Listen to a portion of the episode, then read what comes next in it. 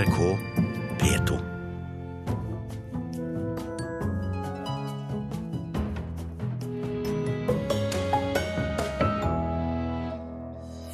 Norske forbrukere kjøper designkopier som aldri før, opplyser britiske nettbutikker.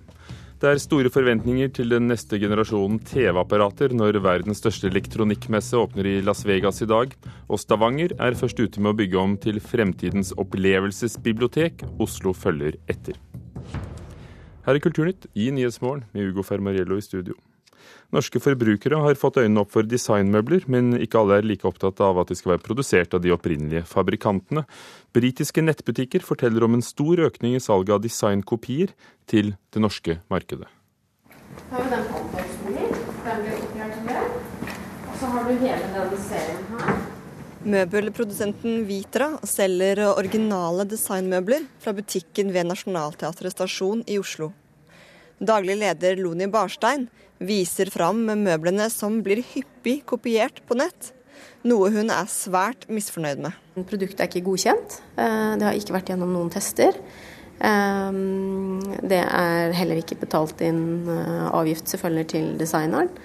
Barstein mener også at kopiene ødelegger for innovasjon. Altså det å investere veldig mye i produktutvikling er det ikke så veldig mange som har lyst til hvis de vet om, om kort tid etter at det kommer ut på markedet, så er det noen som kommer og kopierer. I Norge og store deler av EU er det først lov å selge kopier av designmøbler 70 år etter designerens død. Likevel kan norske privatpersoner lovlig kjøpe designkopier på nett. Fra nettbutikker med base i Storbritannia, hvor regelverket er mykere.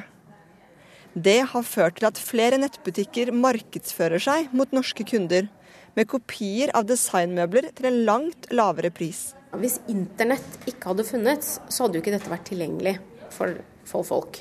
For det er jo ikke lov å selge det i butikk.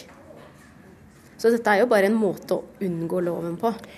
Ingen av de britiske nettbutikkene Kulturnytt har vært i kontakt med, vil oppgi hvor mye de selger til det norske markedet. Men alle forteller at salget har økt betraktelig det siste året. Vi vokser kraftig i, i hele Europa, og, og eh, just spesifikt Norge vokser vi også. Jeg vet at vi hadde en artikkel i, i, i norska Dagens Næringsliv og det gjorde at, at att vi fick eh, en veldig tilstrømning av kunder fra just Norge. Da. Det sier Lennart Nyberg, gründeren bak Designers Revolt, som selger designkopier på nett. Han forteller at kopiene de selger er svært like originalen. Ja, vi anvender, vi anvender originalritninger. På veggen i Vitras butikk i Oslo henger Hang It All, en knaggrekke med store, fargerike kuler. Originalversjonen på Vitras vegg koster 2500 kroner. På Designers Revolt kan kopien kjøpes for 700 kroner. Nyberg i Designers Revolt sier originaldesign selges altfor dyrt. Og det var ikke de intensjoner som de her designerne hadde når de en gang i tiden tok fram de her møblene. Utan det var jo low cost for, for massemarkedet. Det var det som var deres ideer. God design til folket. Jeg tenker, jeg tenker det at det, det igjen gjenspeiler liksom hvor lite peiling man har. Da. Sånn, det er nesten som den sjørøverskøyte. Hvor du liksom lever på din egen lille sjørøverskute liksom, og, og, skal liksom være en sånn der kriger som frihetskjemper og si at ja, nå skal jeg redde verden og, og, og gi des, designmøbel til folket. For, for noe tull! Det ene interessen han har, det er å tjene penger.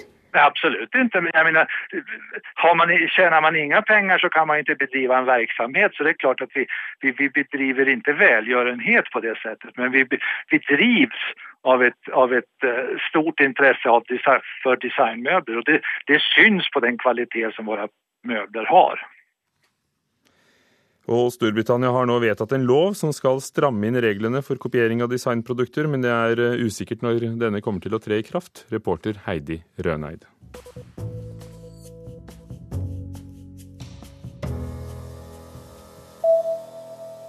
I Frankrike åpner innenriksministeren for at lokale myndigheter kan forby komikeren Dieudonné å fremføre sin forestilling.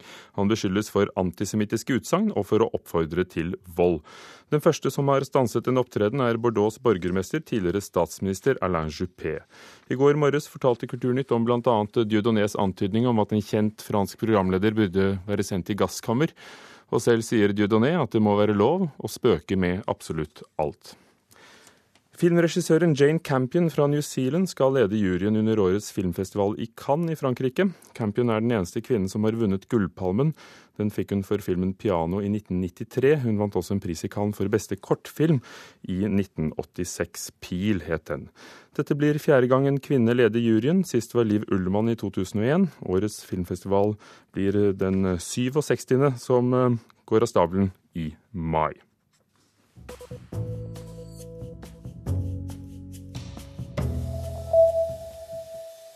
I dag åpner verdens største elektronikkmesse, CES, i Las Vegas, USA. Dette er en møteplass for den nye teknologien som presenteres for verdens elektronikkbransje og pressen. Her er CD-spilleren, DVD-spilleren og plasma-TV-en blant produktene som er blitt lansert. Og Lasse Svendsen, sjefredaktør i Lyd og Bilde, på vei til Las Vegas. Hvor viktig er denne messen?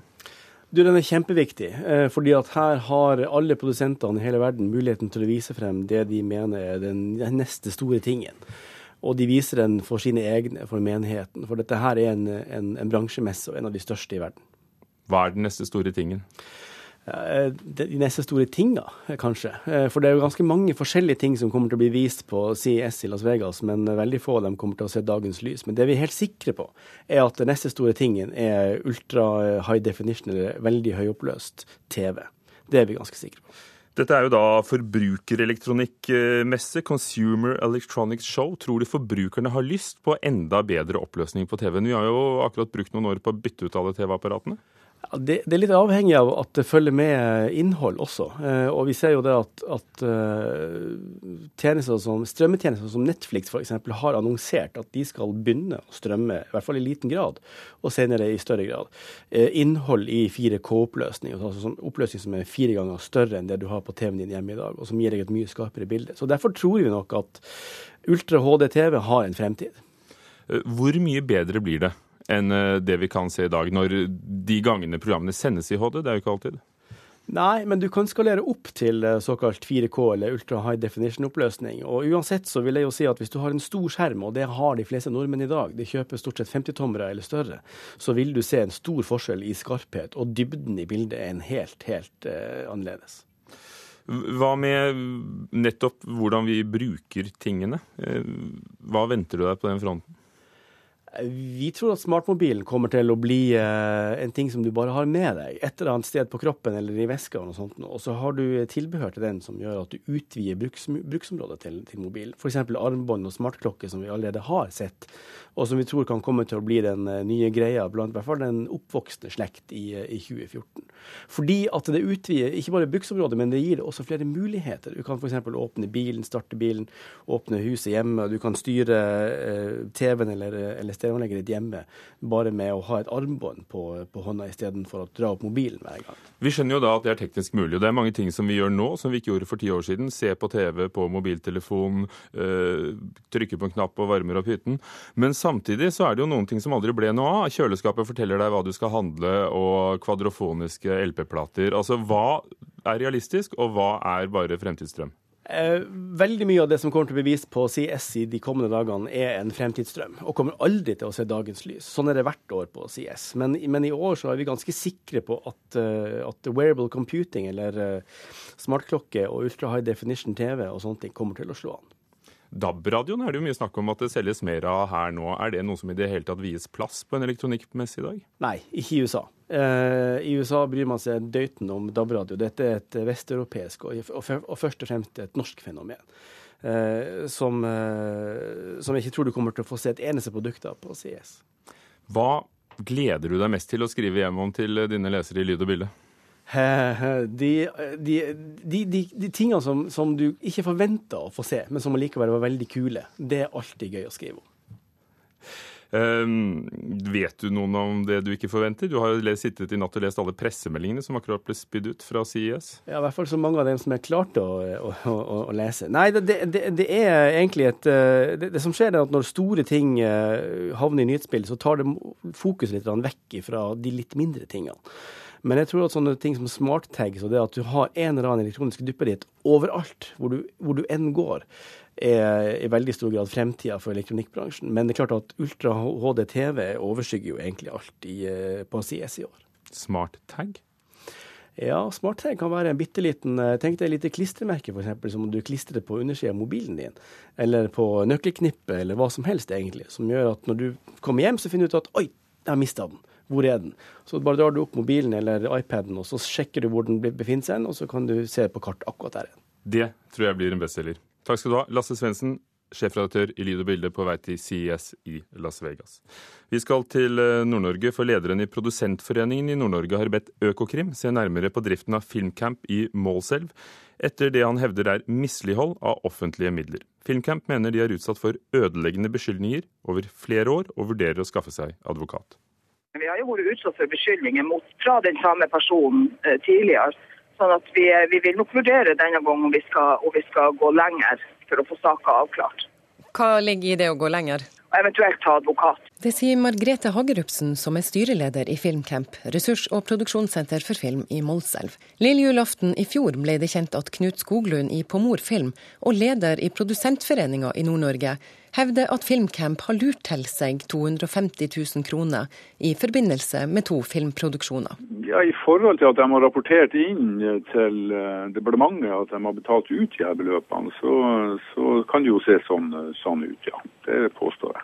Det sa Knut Skoglund til NRK før jul. Han har sendt bekymringsmelding til Økokrim, og både departementet og Filmcamp sine eiere er involvert i saken. Nå stiller han seg uforstående til at Filmcamp vurderer advokat. Jeg skjønner ikke poenget. Altså, de er jo eh, blitt bedt av departementet å svare på en bekymringsmelding som jeg har sendt til, eh, til Økokrim. Som baserer seg på et faktum av at de har brukt uh, penger uh, urettmessig, som departementet har sagt at de skal bruke til uavhengige produsenter. og det er jo beviselig så har de ifølge seg sjøl og de uh, rapportene som har gått inn til departementet, så har de ikke brukt de fem millionene uh, hvert år til uavhengige produsenter og til filmproduksjon. Men de sier òg at du har kommet med beskyldninger mot dem uh, flere år tidligere og er ute etter å skade dem. Hvordan kan du kommentere det?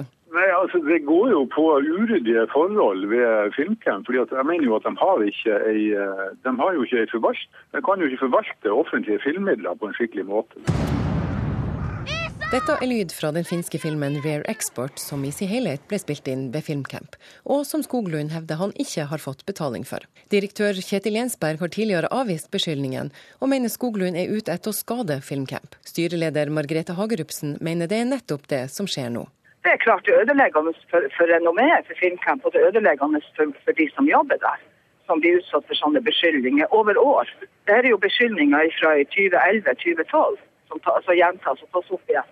Har dere beviser på eh, det motsatte enn det de beskylder dere for? Det vi har, det er at vi har hatt gjennomgang med departementet om dette, og vi har fått eh, fullt tilskudd for 2014, som må nok være et bevis på at den jobben som gjøres, er grei. Og kommunikasjonsrådgiver Mie Skarpaas i Økokrim sier at de ikke vil kommentere hvorvidt de undersøker omstendighetene rundt Filmcamp eller ikke. Reporter Hege Irén Hansen. 16 minutter over åtte. Du hører på Nyhetsmorgen i NRK. Boligbyggere og banker frykter en nedgang. En nedtur i byggebransjen kan krympe norsk økonomi allerede i år. Maksprisavtale på strøm er bare tull, dyrt og unødvendig, hevder Forbrukerrådet. Rettssaken mot Joshua French starter etter planen i dag, men det er usikkert når og hvor den skal foregå. Og vi anmelder og hører nyskrevet folkemusikk i slåttesjangeren senere her i Kulturnytt. Flere bibliotek i storbyene tar grep, fysiske grep for å møte fremtiden. Lørdag åpner biblioteket i Stavanger på nytt etter første del av en ombygging til 25 millioner kroner. I Oslo er byggingen av et nytt hovedbibliotek i gang. Filosofien er den samme begge steder, å møte publikum med opplevelse, mat og debatt. Her snekres og bygges og skrus og ja. Anne Liv Tønnesen var programsjef i Stavanger bibliotek, men nå bygges det for en ny tid, og hun har blitt leder for opplevelse. Her står det mange nye møbler, og det er lagt opp til veldig mange sitteplasser. Det er jo fordi vi ønsker det skal være en møteplass. Man kan spise, man kan være i litt mer eh, bråkete soner og litt fredelige soner. Stavanger bibliotek rustes opp for 25 millioner kroner. Beliggenheten midt i sentrum i Kulturhuset Sølvberget er den samme, og første skritt i ombyggingen er en helt ny avdeling på gateplan som åpner lørdag. Her sånn, så ser du at vi har det vi kaller den nye gata, som går på tvers. Og forbinder da Sølvberget mye sterkere med området rundt. Mye mer åpent og tilgjengelig. Den nye avdelingen har spesialdesignede sittemøbler og såkalte bokøyer i lyst tre. En knallrød servicedisk, TV-skjermer med nyheter, iPad-hyller, kafé, debatt- og utstillingslokaler. Men tradisjonelle bokhyller er det nesten ingen av, forteller sjefen for første etasje, Susanne Borg. Det er en fin blanding. Litt av alt det vi har å by på. Så det blir som en smakebit ja. på det man kan finne oppover i etasjene? Mm. Så på skjønnlitteratur så vi, plukker vi mye av det nyeste som kommer, og det som vi kaller for enukeslån. Da. Men det er nye, helt ferske bøker som du bare kan låne en kort stund. Her må det fylles på daglig, kanskje flere ganger om dagen. Hva er tanken? Hvorfor gjør dere det på denne måten her? Men det er ikke like stort utlån. Internett, googlingen, eh, folk finner informasjon på andre måter. Dermed så må vi begynne å endre oss før det er for sent. Sammen med det nye Deichmanske hovedbibliotek som nå bygges i Bjørvika i Oslo, er Stavanger først ute med den fysiske ombyggingen til framtidas opplevelsesbibliotek. Flere kommer nok til å følge de to byenes eksempel, tror nylig avgått sjef ved Deichmanske, Liv Sæteren. Det som skjer i Stavanger og på nye Deichman, det er at særlig første etasje er et veldig aktivt sted hvor innholdet møter brukerne med en gang man kommer inn døra. Det er vel det at vi først og fremst tar rommet i bruk som en formidlingsmetode. Og selv om bokutlånet synker hvert år, har folkebiblioteket fortsatt en viktig rolle å spille i samfunnet, mener Seteren. Kunnskapskildene er jo nå så uendelig mange og såkalt lett tilgjengelig, men de er jo lett tilgjengelige for folk som vet om dem. Og Det er jo der man trenger en institusjon som bibliotek, som den samfunnsinstitusjonen som skal eh, arbeide som en slags redaktør i dette kildeuniverset og velge ut noe. Sette dette sammen. Jeg ser på biblioteket som både en redaktør og en kurator. Er ikke det kult langbord? Mesterkokk Sven Erik Renaa skal drive bibliotekkafeen i Stavanger med eget langbord inne i bokavdelingen. Og det å kunne kombinere det å lese og, og, og, nyte andre ting, er jo en fantastisk ting. Det gjør man jo hjemme òg. Så er det såpass god avstand at du også kan føle at du, du må ikke snakke med de som er rett overfor deg. Det er mange ting som er tenkt ut nøye her. Anne Liv Tønnesen ved Stavanger bibliotek, reporter Anette Johansen Espeland. Lørdag blir motstandsmannen Gunnar Sønsteby og hans sykkel, en diamant 1938-modell med bukkehornstyre, igjen en del av bybildet i Oslo. Da gis Per Ungs statue, mannen med sykkelen, til Oslo kommune av private givere, og flyttes samtidig fra Solli plass, Lapsetorvet, til Karl Johans gate. Det er en plassering Per Ungs enke, Elena Engelsen, er godt fornøyd med. Veldig fint. Jeg er veldig glad for det. Og det ville ha vært en lykkens dag både for Sønsteby og Per å oppleve det der. Så jeg er veldig glad for det. Veldig fornøyd. Så du gleder deg til lørdag? Jeg gleder meg til lørdag. På et skulpturverksted på Helsfyr inspiserer Elena Engelsen Gunnar Sønsteby-statuen sammen med skulpturkonservator Lilly Wicki i Kulturetaten, som har ansvaret for Oslo kommunes utendørskunst. På bronsestøperiet har mannen med sykkelen vært i forsterkning siden mai. Da ble skulpturen på Solli plass veltet og skadet av en fireåring etter at hjulet knakk kort tid i forveien. Nå får motstandshelten som døde 10. mai 2012 en mer sentral plassering på Karl Johan mellom Nationaltheatret og universitetet. Engelsen og Lilly Vicky kan konstatere at alt er i rute til lørdagens seremoni, da Oslo kommune samtidig får kunstverket i gave.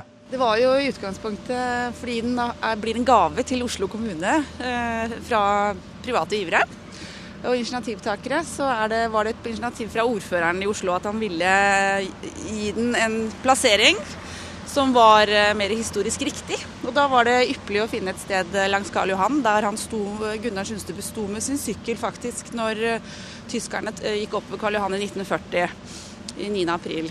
Så det for å få en sånn historisk, mer historisk korrekt eh, plassering, og, og, mer luft rundt skulpturen og i det hele tatt. Ja, for det blir litt endringer på selve skulpturen? Han blir senka mer ned, ned til folket, for å si det sånn? Ja, så syns vi det var, hadde blitt fint å få, få han ned fra sokkelen, ned på bakkeplan.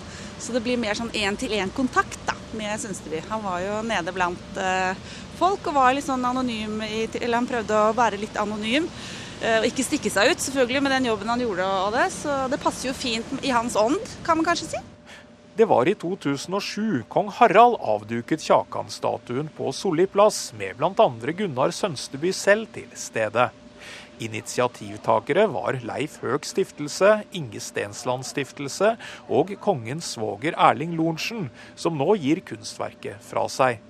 Kunstnerens enke sier at Per Ung syntes 'Mannen med sykkelen' var et spennende oppdrag. Som billedhogger så er det jo moro å, å lage noe over sida av personen.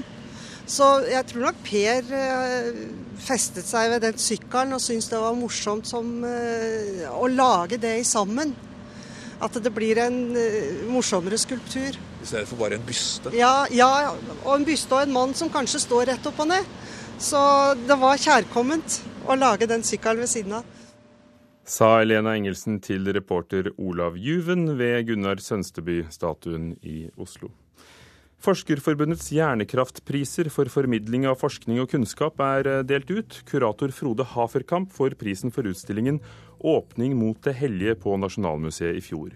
Juryen skriver at han får prisen for å skape innsikt i en ellers vanskelig tilgjengelig forskning omkring flamsk kunst fra 1400- og 1500-tallet. De to andre prisene gis for forskning om celledeling hos bananfluen og en hurtigtest for tuberkulose. I Kulturnytt har vi hørt at norske forbrukere kjøper stadig flere kopier av designmøbler i britiske nettbutikker. I Storbritannia tillates det kopier lenge før det er lov i resten av Europa. Og høyoppløselige TV er det neste store på elektronikkmessen i Las Vegas. Hanne Lunås var teknisk ansvarlig, Sondre Bjørdal produsent, Ugo Fermariello programleder. Dette er Kulturnytt i Nyhetsmorgen i NRK. Hør flere podkaster på nrk.no podkast.